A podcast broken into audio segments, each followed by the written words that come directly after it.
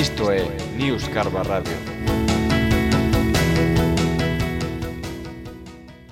Benvidos e benvidas ao cuarto programa de News Carva Radio.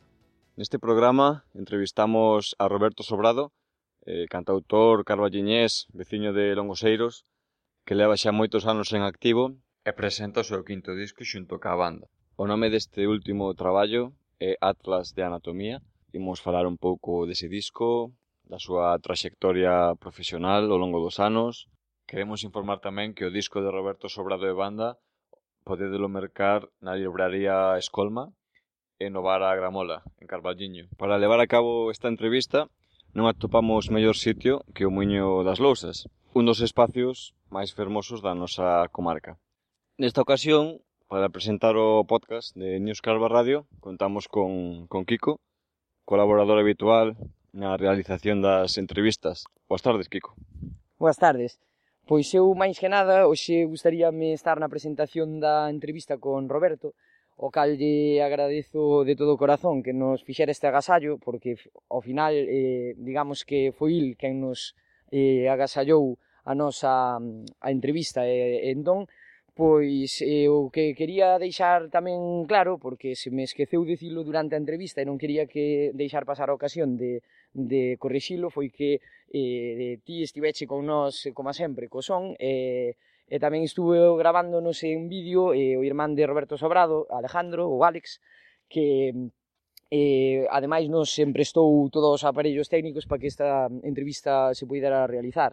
Eh, ademais, dicir que, que eu creo que honra este xesto a, a Roberto Sobrado porque sendo ahora un momento no que leva eh, aparecido nos medios da TVG tamén foi eh, facer unhas colaboracións estelares con grandes da, do panorama galego e pois honrao e, eh, pon as cousas claras de, de, de quen é Roberto Sobrado e da, e da súa bondade o virnos botar unha, unha man a nós que ao, ao fin e ao cabo pois este é un proxecto eh, con, con, pouco, con pouco presuposto, con poucos medios pero con moita vontade, entonces sin máis quería decir eso, agradecerche tamén a ti como sempre a oportunidade que me das para falar con tante tanta boa xente E, e bueno, que continue a cousa e moitísimas gracias e, outra vez eso, tanto a ti como a Roberto e a, e a Alex. Antes de escoitar a entrevista, imos, imos poñervos un dos temas que aparecen no último disco de Roberto Sobrado e logo, ao final da, da entrevista que tivemos con el, escoitaremos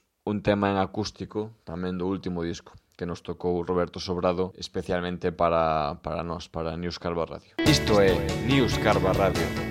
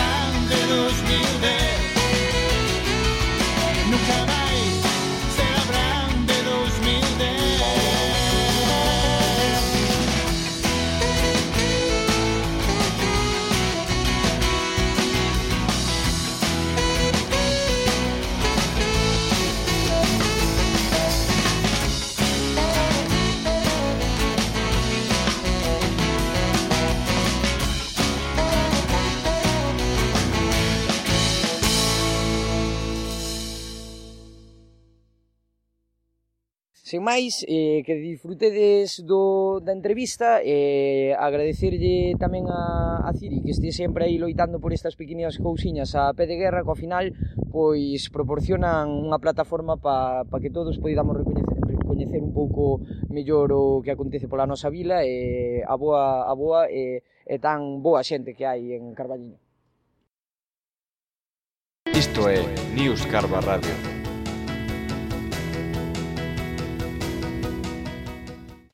Eu quixera dicir neno e digo escravo, que se sinte hoxe o noso convidado, máis escravo ou máis neno?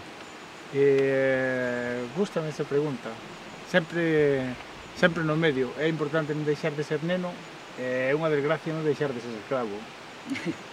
bueno, pois, eh, me é Ciri, o, o inventor deste Neus Carballiño, máis eu, chegamos eh, respectivamente eh, en avión e en tren fai moi pouco, E, e claro, baixar encontrámonos aquí unha revolta porque resulta que o noso convidado pois parece ser que presentaba un disco con, con colaboracións estelares no Salón Teatro de, de Santiago, sale na, na TVG, hoxe témolo aquí con nós é unha ledicia, e resulta que isto todo eh, sai dun proxecto que era de crowdfunding, non? Con Berkami.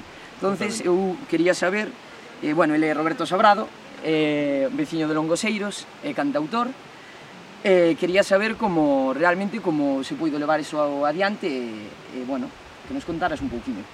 Vale, pois eh, nós xuntamos as últimas cancións que tiñamos oh, coa banda, que tiñamos unhas 10, 12 cancións, así, unha versión tal, e puxémonos a gravar o disco, non? E o que pasa é que para esa grabación do disco queríamos facer, un, eu quería facer unha cosa especial, non? Facer unha presentación como ten que ser. E convidando a, a moitos, a moitos amigos, a moitos músicos que colaboraron na banda. E entonces empecé a recopilar e vin que claro, tiña un proxecto bastante grande en Tebans e o que foi a grabación do disco e as propias copias do, as propias copias do disco eh, financiámolas en parte a propia banda, que é un fondo que tiñamos, e en parte eh, con cartas personais. Eh, o que pasa é que logo, para, para facer o evento en sí, ainda facía falta ainda facía falta como de cartos. Para iso montamos o, o crowdfunding e a verdade é que saiu moi ben, estou moi contento, todo o mundo foi aportando na medida das súas posibilidades uh -huh. e, e conseguimos xuntar eh, uns cartos para poder eh, pagar a músicos, técnicos, eh, incluso a manager, cosas de comunicación e poder facer un lanzamento de disco casi casi como se facía en tempos, non? Con unha presentación ao, ao uso potente, que sea inicio de xira e, e poder estar tamén eh, nos medios e que teña unha certa repercusión. Así, así naceu a historia, así naceu o proxecto de crowdfunding. Mais que para o disco en sí, que o financiamos eh, eu personalmente e a banda, eh, para facer a presentación, non? para botar a andar o Atlas de Anatomía. Moi ben. Eh, eh, supoño que estes días xa eh, tuveche moito, bueno, moito vuelo, non, con, con este Atlas. Pois vamos facer unha, un repaso un pouco por, a, por, por esa anatomía dos teus anos, non? É como que nos contes un pouco como empezaxe e como, como foi adiante a túa, esos inicios de cantautor, non? Pois eu empecé por aquí, por estas terras que, que estamos. E, empecé tocando porque vin a, nun día de letras galegas vin a un, un coñecido da clase do lado que trouxo a guitarra e tocou uns temas e dixen eu quero tocar con esta rapaz sempre me gustara moito a música, sempre cantaba moito todo por min, pero nunca a pesar de ter estudiado solfeo uns anos, nunca me puxera a tocar nada. Empecé a tocar así, eh, imitando cousas, eh, eu escribía cousas e facía así medio cancións. Logo chegaron os Degenerados, que é un grupo mítico do Carballiño que vos non, pos, non posides acordar. No. Ahora vou quedar de abuelo cebolleta, pero... era certo, os Degenerados foi, era un grupo de punk, blues, rock, que, que, que estaba a medio formar e necesitaban un cantante e un baixista entón alá fomos o Jimmy e eu Jimmy. o meu amigo Jimmy todos conocemos ao Jimmy eh, que xa el tocaba o baixo daquela non tocaba a guitarra e, eh, nós andábamos así tocando xuntos coñecimos a outra xente eh, que era o Juanchi era o líder eh, estaba o Víctor, estaba o Toño, estaba o Carrete na batería e aí montamos o, aí se montaron os, os degenerados, que era a banda de culto nos anos 90. Underground, non? Sí, sí. Nos 90 era aquel, entón. Sí, por aí, por aí, por aí foi a cousa. E logo, logo desa etapa, eh, claro, eu quería facer unhas cousas e máis cancións miñas, máis o meu rollo, entonces metíme a cantautor, pero metíme a cantautor porque non tiña banda. e entonces metíme a cantautor e según foron pasando o tempo foise xuntando xente ao meu proxecto, xente que fun coñecendo, que os que me entendía ben musicalmente e tal. Entón, a partir de aí fun montando cancións e a banda foi medrando, tuvemos momentos de, de, de traballar máis en acústico, dúo, trío, eh, logo cuarte, eh, incluso en plan cuarteto, logo xa unha banda xa máis casi unha, unha banda de rock prácticamente, que é digamos a evolución hasta a día de hoxe, inda que tamén seguimos traballando en acústico. -huh. Esa así, resumindo, é... Eh, na, nas, nas túas cancións ao longo dos discos eh, tes moi presente unha cidade eh, que é Compostela entonces eu supoño que tamén ali se marcaría un pouco a túa forma de escribir ou de ver eh, as cousas que, que logo escribiche, etc. Non sei se nos podías contar un pouco aqueles anos. Sí, um, eu supoño que é algo que lle pasa a todo o mundo, non, non é ninguna novidade. Di, decía unha amiga miña que un é de onde foi ao instituto. Eso para empezar, pero despois unha formación moi importante son os anos de universidade, non? Os anos eses da, da posadolescencia, cando te estás cando un se está formando a, a todos os niveis.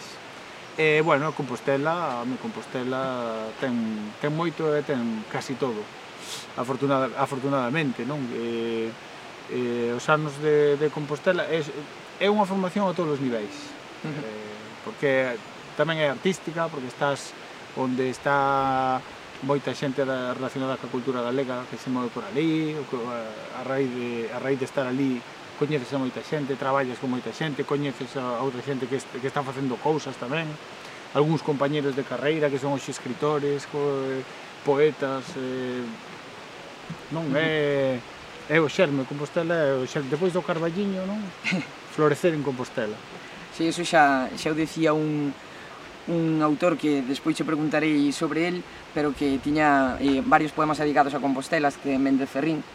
Eh, e, eh, eh, bueno, eu creo que non, non sei se realmente tes unha relación con, con Méndez Ferrín a, a algún nivel, pero, bueno, que moitas eh, letras, me, túas, sobre todo as que son máis de políticas, mm, incluso me recordan por esa capacidade eh, de xuntar inquedanzas eh, vitais eh, con, con un compromiso político eh, referencias ao, a, a latar a clase, referencias aos patios traseiros, referencias a esas salas de cine, non? Entón, eh, a min me gustaría saber eh, se realmente eh, cando compós é máis unha explosión creativa, vas facendo pouquiño a pouco e collendo ese ramalazos de, de, de todo o que che vai pasando ou, ou como ven sendo, non? Mm, a hora de escribir, o sea, a, a relación que podo ter con Ferrín é de coñecer a súa obra. Non? Uh -huh. Eu, personalmente non, non o coñezo, pero sí que, sí que lin moitas cousas del.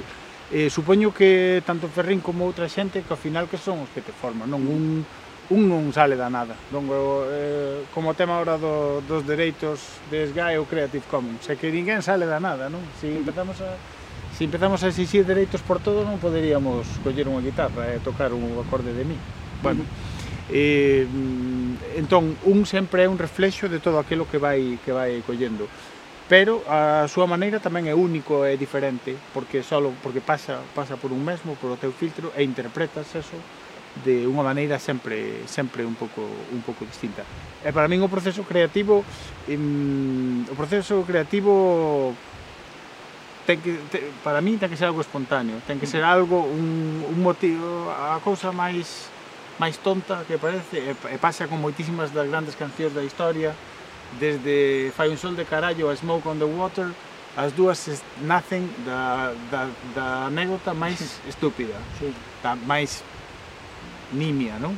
E, e eso pasa a veces co, co proceso creativo, un momento que hai un momento que, que, que se encende algo, que relaciona as dúas palabras, que che, hai un xogo de palabras grave, a partir de aí podes construir algo. E logo, unha vez que tes esa chispa, logo hai que traballalo, non é vais a echar iluminación, no, o artista loco que, guau, vamos a crear como eso. Sí, hai algo, hai algo de eso que, pero eso son chispazos pequeniños. Despois, Eso hai que traballalo para que, mm. para que funcione, para que, eh, para que, para que, para que poidas decir o que queres decir de todo ou non, ou mellor non queres decir nada. o mellor queres só xogar cas palabras e, e que sonen ben. Eso tamén é outra outra faceta. Eh, eu tamén penso que que cada canción túa ou en cada canción túa hai detrás eh, un xesto político, non? Eh, mm. para min, eh, incluso trascendendo eh, letras máis explícitas que sí que se poida igual eh, eh, entender unha reivindicación da, da loita de clases, eu creo que é máis da loitas polas relacións humás, non? Porque sí. eh, non sei, vexo que, que trascendes un pouco tamén eh, eh, a ortodoxia, non? E mesturas tamén, por eso digo que mesturas un pouquiño eh, toda esa política co, que, que chega hasta, hasta, as, trivia, hasta as, as cousas máis triviais da vida, non? E, eh, e eh, bueno, eh, con ou sen banda sempre eh, fuche evolucionando agora ata chegar a, ata este ate este último disco, así que creo que, que te mantés eh, completamente a peito descoberto, non? E, eh, dicindo quen eres, non? Sen ningún medo. Mm. Sí, bueno. eh, temos, temos a sorte de ter nacido en democracia, hasta eu, bueno, eu, eu casi, casi, ca, bueno, vamos a decir que sí. E, eh, home, non sei, eu, eu nunca tive nunca tive medo, afortunadamente, podo presumir que nunca tive medo de, de decir o que pensaba e, e reflexar a realidade que vexo. Ao final eh, dis ah, unha letra política bueno, unha letra eh, sencillamente de observar o que pasa e eh, de tomar partido. Sí, eh, como hai temos eh, moitos exemplos de, de, de poetas que se manifestaron nese sentido. Podíamos remitirnos a aqueles que decía maldigo la poesía del que no toma partido o partido hasta mancharse o pobre del cantor aquella canción de Pablo Milanés. Pobre del cantor de nuestros días que no arriesgue su alma por no arriesgar su vida. Temos, temos mil referencias. Eu creo que o, o, o creador, o, o que escribe, é como a, decía, decía Bruce Springsteen que o cantante era como o canario que baixaban os obreiros ás minas en tempos, non? Era o que cando metras o canario cantara é que a cousa iba ben. Cando o canario non cantaba, é que había gas grisú. E entonces aí os, os mineiros tiñan que escapar correndo. Isto é unha cousa, é unha cousa así parecida. Eu creo que mm, cando tes unha certa unha certa sensibilidade ou, ou que até se a queres plasmar, é normal que te indignes ante certas cousas e que tomes partido pola xente que, que te, sencillamente pola xente que tes ao lado uh -huh. e que ves e, e que ves como traballa e como como son as cousas. Así de, así de fácil. Eh, eu creo que eh, tamén hai, hai outro motivo que vai moi, moi ben vencellado ou debe, para min debería ir eh, a política e creo que, que tamén o levas eh, durante a túa carreira discográfica eh, que é o do humor compaxinar mo, moita política, moitas relacións e moito humor eh, e aí están dos que falaremos despois moita, o sea, esa, os resentidos, digamos, non? Sí.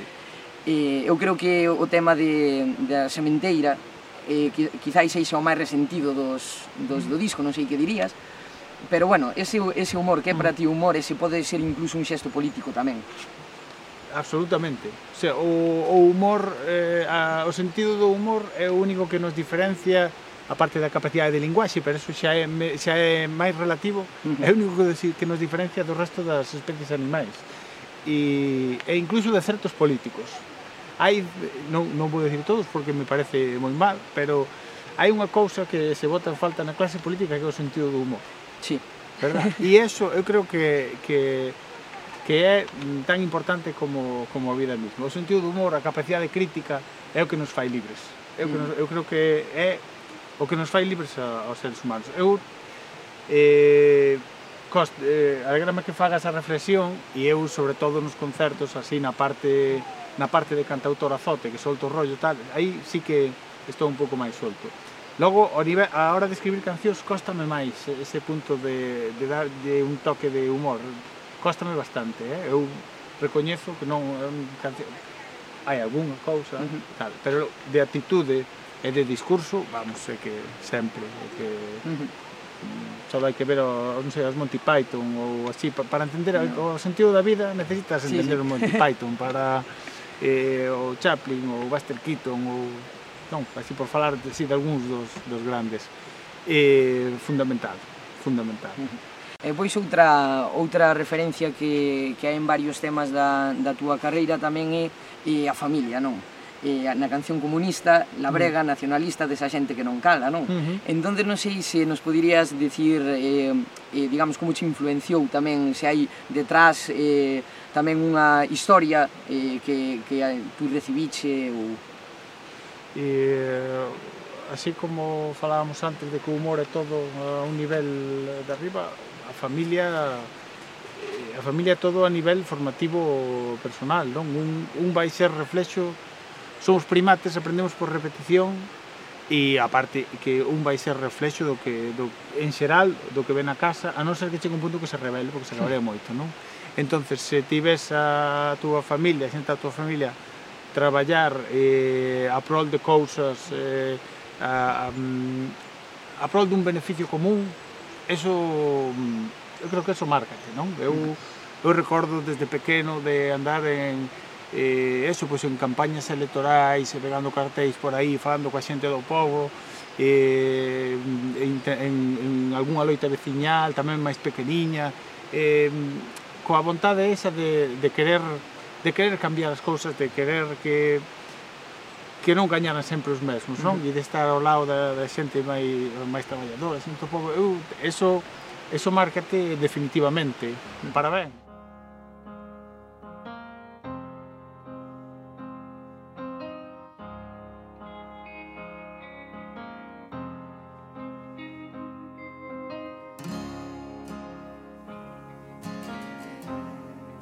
Pois, pois agora mesmo íbamos pasar o, de, o da música tamén, o da banda, e, e precisamente para xa centrarnos un pouquiño neste, neste aterrizar no, no atlas da, da anatomía, non? Entón, eh, queríamos saber nesta ocasión quen, quen é a banda que está detrás de, de Roberto Sobrado. Pois mira, ten, eh, a banda, eh, eu teño a sorte de ter no, no guitarrista uh, o produtor perfecto. E Rafa Campoi, que está a guitarra eléctrica, a veces acústica tamén, dependendo do que traballemos, é con que, con que máis traballo. E tamén eh, moitas veces traballamos cousas xuntas, cousas de sonido no estudio, entonces eh, ao final somos, ele é un poquinho máis novo que a min, pero musicalmente somos bastante parecidos, coitamos as mesmas cousas e iso fai que nos combinemos moi ben. Cando eu levo unha canción, el xa sabe como xa sabe os arreglos que, que poden ir, na maneira que poden ir, é, é unha maravilla poder contar con, con Rafa. Despois temos a, aquí hasta, hasta agora, hasta aí nada, estivo Gustavo Fernández no baixo, que agora está traballando con nós Pablo Vidal, pero bueno, Gustavo por, por, cosas, por motivos personais, pois eh, xa non ten tanto tempo para a banda, entonces agora está traballando máis con nós Pablo Vidal, pero Gustavo estivo pois, moitísimos anos tamén con, con nós. E na batería está Paulo Silva, a, aínda que tamén ten vido a tocar con noso propio Aberraba de unha vez a batería e, e tem, a batería é un dos postos que está así máis máis bailando na banda, aínda que Pablo últimamente toca casi sempre con nos.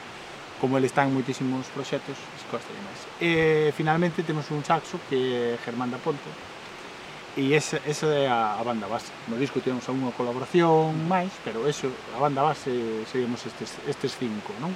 Bueno, farei dous baixistas, pero eh, cinco, ao fin e ao cabo. Moi ben, a interacción da, da banda que tal foi durante as grabacións, durante os concertos dos que estás presentando o disco? Ben, afortunadamente, nós, eh, ademais de ser banda e traballar xuntos, pois somos bastante amigos, ou amigos de todo.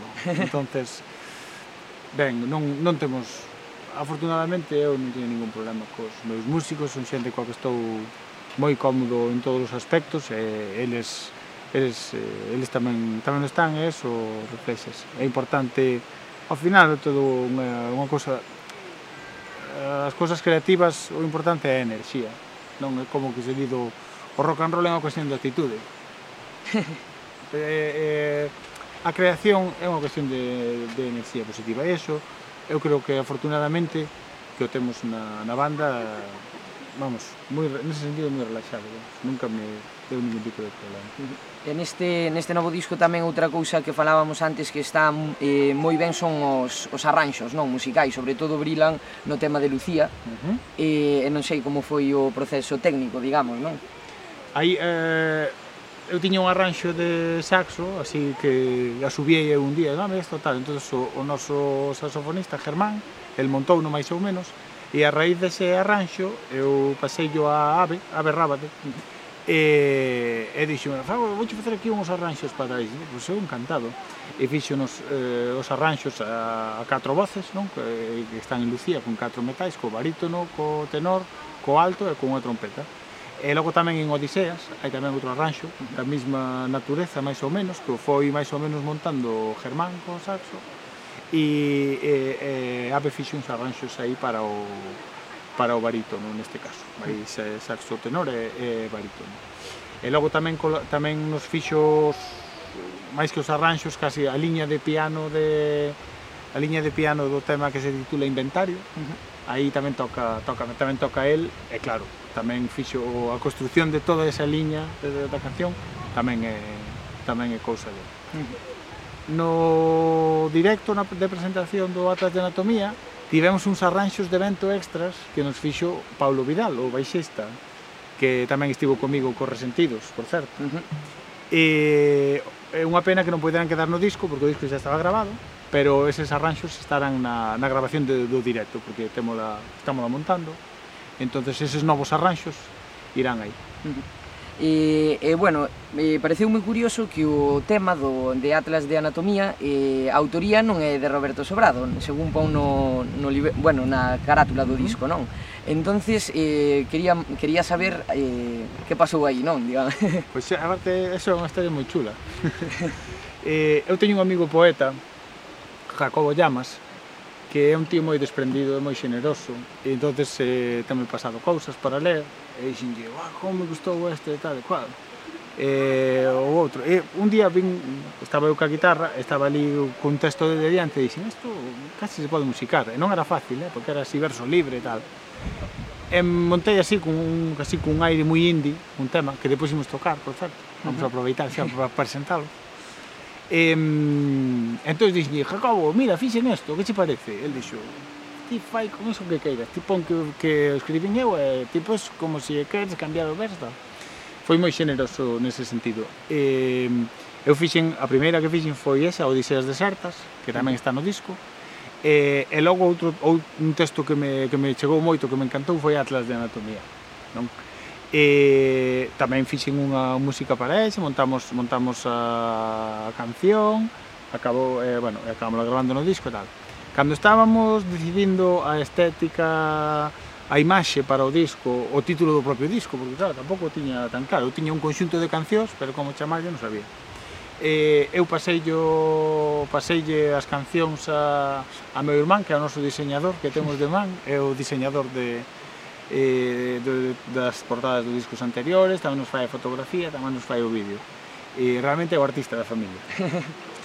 eh, entón, ele escoitou os temas e di, eh, eu tiña unha idea para o disco que era titulalo Proletarios do Rock and Roll.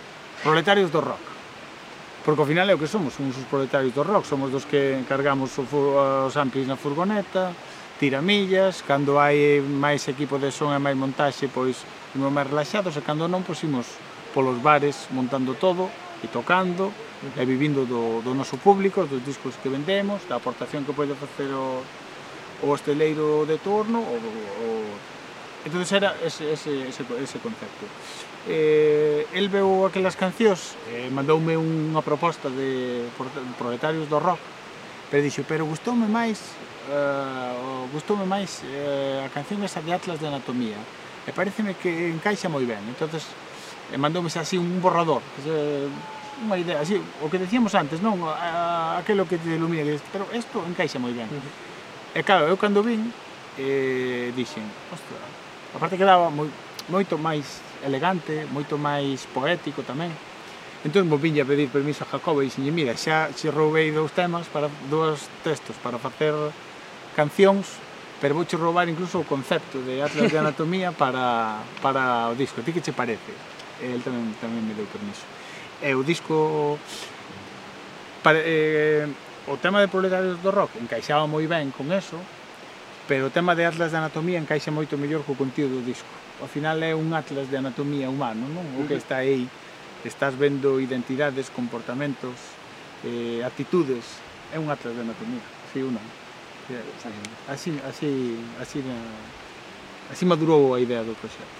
Muy ben. Eh, tamén a, ah, eh, antes mencionabas os resentidos, digamos que están metidos no llado, incluso que son a allada mesma, non? Uh -huh. Porque eu creo que a túa relación co resentidos xa se remonta eh, antes de, sí. deste, deste disco, non sei que nos podes contar acerca de Reixa e compañía.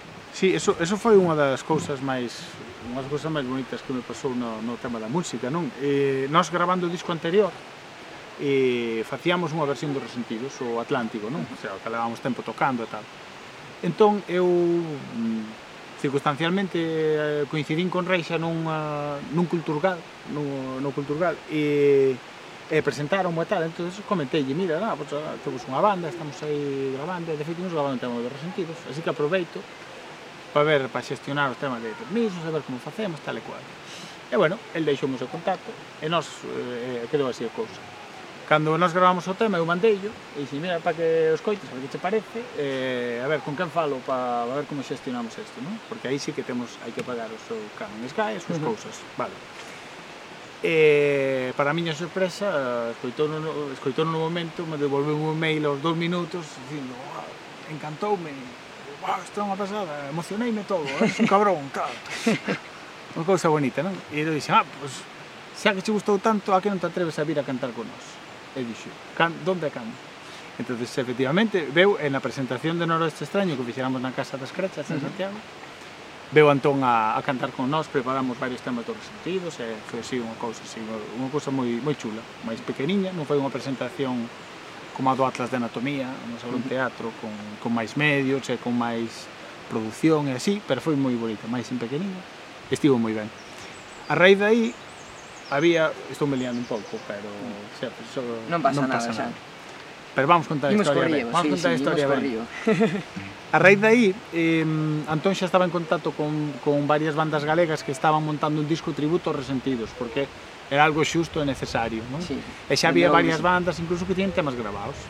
Entón, el puxome en contacto con, con Marcos Paino, que era o que estaba un, facendo un poquinho a produción deso. E xa, fala con Marcos para tal, eh, para estar vos no disco tamén, que tiene todo o sentido. Falei con Marcos, montou o seu disco, e a raíz de sacar o disco, Antón decidiu volver xuntar a banda toda, e, e, e facer unha homenaxe porque se cumplían os os 30 anos ou 20, ahora, ahora 20 25 podrían ser. 25 máis ou menos, entre 20 e 30 ahora, Deixa o abuelo mira, ¿sabes? búsquenlo en Google por favor. Así de, non o sei exactamente. Bueno, facíase así un número redondo, non, de, de resentidos, e entonces era volver xuntar a banda e facer unha facer un concerto especial que se fixo en Ourense, que se titulou A tribo toda baila, que é o mesmo título que o disco tributo. E, entón para eso Antón chamou a varios dos resentidos máis recentes, outros que xa tocaron unha vez, E tamén me chamou a min, dixome, pero quero que veñas ti a axudarme a cantar, e a facer eh, coros e tal. E iso, vamos, imagínate, non? Eu que escoitaba os resentidos desde que era un enano, así, e, e a parte que me gustan, porque podes que escoitar desde pequeno e depois dis, bueno, non, e, e, a nivel de textos tamén eu sou un enamorado dese, dese punto surrealista de Antón, pero sempre, a mí unha vez sempre ácido, mm. irónico, un pouco, sempre político tamén, non? E, e foi, bueno, foi impresionante poder estar ali con dos orixinais estiveron Reixa, Soto e Losada e logo estivo moita outra xente que tocou con eles en outros momentos como o propio Pablo Vidal no baixo, Anxo Graña, Xavier Camba que era foi casi batería oficial dos Resentidos nos finais dos 80 e, e así. Eh, foi unha pena que non estiveran tamén eh, Torrado, non? de Besa e Torrado. Torrado sí que veu ao concerto de Ourense a facer unha colaboración e a verdad que foi así, é a única a única a única pena, non? E logo outra outra xente nova que que veu tamén a a tocar no para completar, para completar a banda. Uh -huh. Bueno, así foi, quer decir, a historia de Resentidos eh, foi así, non? E tive, fixemos aquel concerto de homenaxe e uns, uns cuantos máis a, a raíz diso en Lugo, en Santiago, en, en Santiago dúas veces, en Lugo no San Froilán, en Vigo con Siniestro Total, que eso foi eso xa foi eh, o ah, acabose, Dios, non? Eh, come, Para empezar as festas de Vigo, concerto con Resentidos e despois Siniestro. A verdad que un auténtico luxo e un placer para min traballar con, con esa xente. E bueno, imos ir acabando, dúas preguntiñas máis. Eh, a primeira, bueno, pois un pouco máis personal tamén para, eh, para min, porque miña irmá chamase Lucía, non? Pois eu querías é para ti tamén personal, porque quen é esa Lucía, non, da, da canción, se se pode saber. Eh, non, non se pode saber. Non, non. se pode, pois. Pero, eh, Lucías hai moitas. Lucía non é unha, Lucías, desas Lucías hai moitas. Ti seguro que coñeces algunha eh, que puxo cancelas entre o mar e a túa alma falando de cobardías, de tempos e de distancias. O sea, que pode ser tamén aquela de Serrat. Eh, ou... Sí, a, aquela de Serrat, mm, eu creo que era de outra raza. Eh? Era, de outra era, raza. Lucía, pero era de outra raza. Esta é unha raza diferente, pero que, que se conoce ben. Moi ben. E, e bueno, xa para rematar a última pregunta, non me acorda cal era, pero va, vámola, vámola a improvisar. Eh, a ver se vou mirar nos papéis, que seguro que está por aquí. Bueno, sí, era eh, a, a última era preguntarche que eh, penso que neste último disco non rescatache ningún, ningún tema de, de anteriores eh, producións, cousa que viñar facendo, uh -huh. non? Ata, ata entón, por eso me parece que tamén Atlas da Anatomía era como ti vas coidando, a min eso me parece moi bonito porque é como que lle dá moita importancia aos temas que, que vas compondo, non? E depois volvelo recuperar, non? De outra maneira que mm. vives nese momento. Entón a pregunta era un pouco eh, sigues eh, namorado dos teus temas, como van en directo, ahora ca banda, eh, e, eh, eh, bueno, que nos podemos encontrar, digamos, con, nos concertos? Con respecto aos temas, eh, a reflexión máis perfecta que se fixo sobre a autoría das túas, das túas cancións é unha que fixo Sabina, que dixo, todas eran hijas mías. e esa é a sensación, esa é a sensación co, cos, coas cancións. Afortunadamente, Mm, non me arrepinto de casi ningunha, que si algunha da primeira época seguramente sí. pero de casi ningunha. Se pásame tamén como a Sabina, nunca, tamén, que tamén se arrepinte de si de algunhas, pero de moi poucas. e, eh, as cancións van van medrando co tempo, van atopando o seu, o seu lugar natural e cando están maduras ese é o momento de gravalas. A veces pasa que por circunstancias non quedan como, como che gustaría que tiveran quedado. Eso é o que pasou en algúns dos traballos anteriores. entonces dixemos, joder, ahora esta, a canción sí que está madura ahora, e non daquela que gravamos ou cando a gravamos non nos quedou. entonces vamos a gravar como a tocamos agora." Iso é o que pasou, por iso hai algunhas que se repiten de cousas anteriores, uh -huh. sempre había unha. Esa é unha, unha observación unha observación moi boa. Eh, neste disco incluso quedou fora algún tema máis, pasou nos ao revés, xa tiñamos tantos Ajá. que era en plan que non vamos rescatar un si temos a... Ainda que, ainda que hai un tema que é fan de asuntos legais que xa iba a ir en Noroeste Extraño pero non quedou guai e decidimos non metelo aí, pero xa estaba grabado. Entonces, realmente eh, mantense eso, porque eh, esa canción realmente é do disco anterior. Ah, realmente é do disco anterior, ainda que está agora Agora neste, e cam, tamén cambiou a canción, eh?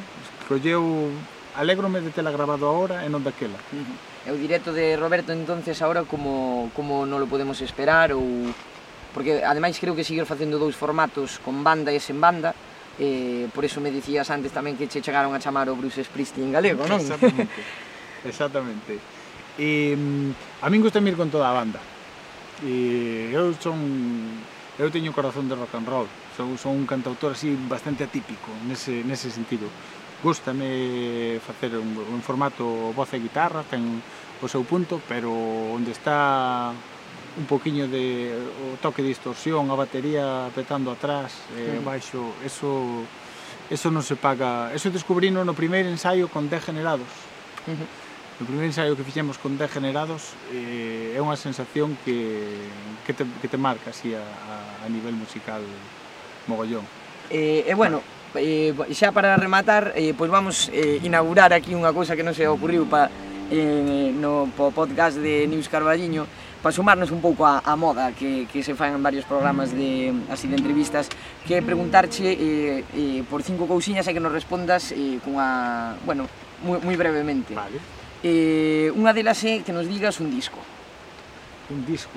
Uf, pode ser moi... A ver, deixa... un disco. Eh, Sabina Viceversa en directo. Vale. E agora un cantautor? Un cantautor. Un cantautor. Ostras, que me fastidias, eh? Poden ser dous, eh? Silvio, sobre... un cantautor, Silvio. Silvio. Compartido todo entonces. Eh, e despois tamén eh, unha película. Unha película. The Perks of Being a Wallflower.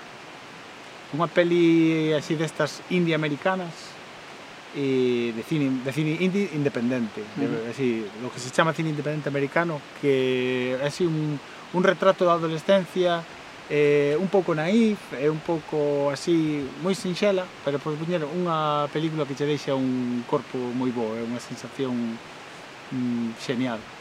Moi ben. Eh, un libro, por suposto, un libro. Ah, qué difícil, qué difícil como vos.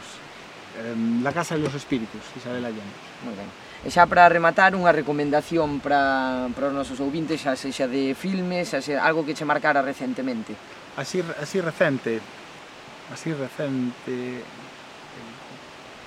Eu vou, vou vos recomendar un grupo que non é moi coñecido, pero que a min sempre me gustou moitísimo e cada vez que os escoito aínda me gustan máis, que son os Aterciopelados, un grupo colombiano que fan así unha cousa É curioso porque son moi roqueiros, pero non deixan de ter así un punto un punto étnico, non, da música do seu país, non? Todo eh, ten fan así algúns temas sonan un poquinho cumbia, pero eh, teñen ese punto roqueiro, incluso punk. -huh. eh, por momentos. E a voz da, da cantante é alucinante. E teñen un tema eh, teñen un tema que fala de, de todos eses cantautores sociais non? Que creo que se titula Canción Protesta que me parece delicioso. É o, o conto de falamos moito de cantautores de, de cancións políticas de, de tema social é unha canción que, mm, que é perfecta para a xente que lle interese, que teña curiosidade por eso, se escoita esa canción, vai decir, date, di, di o estribillo, suena unha canción protesta, pero no la llamen terrorista. No es que sea antipatriota, es que trae outro mm. punto de vista.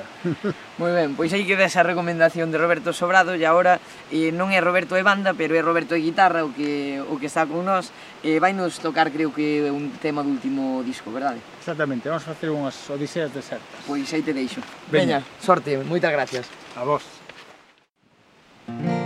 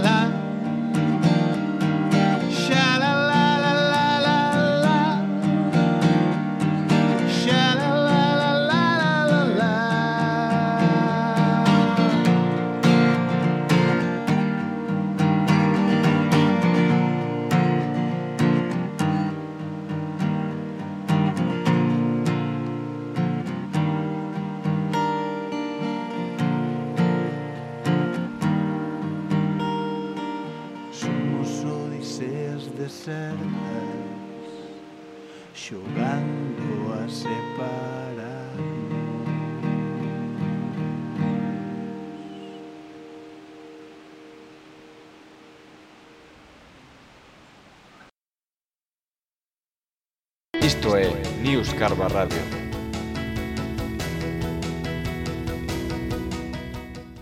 Pois con isto rematamos o programa.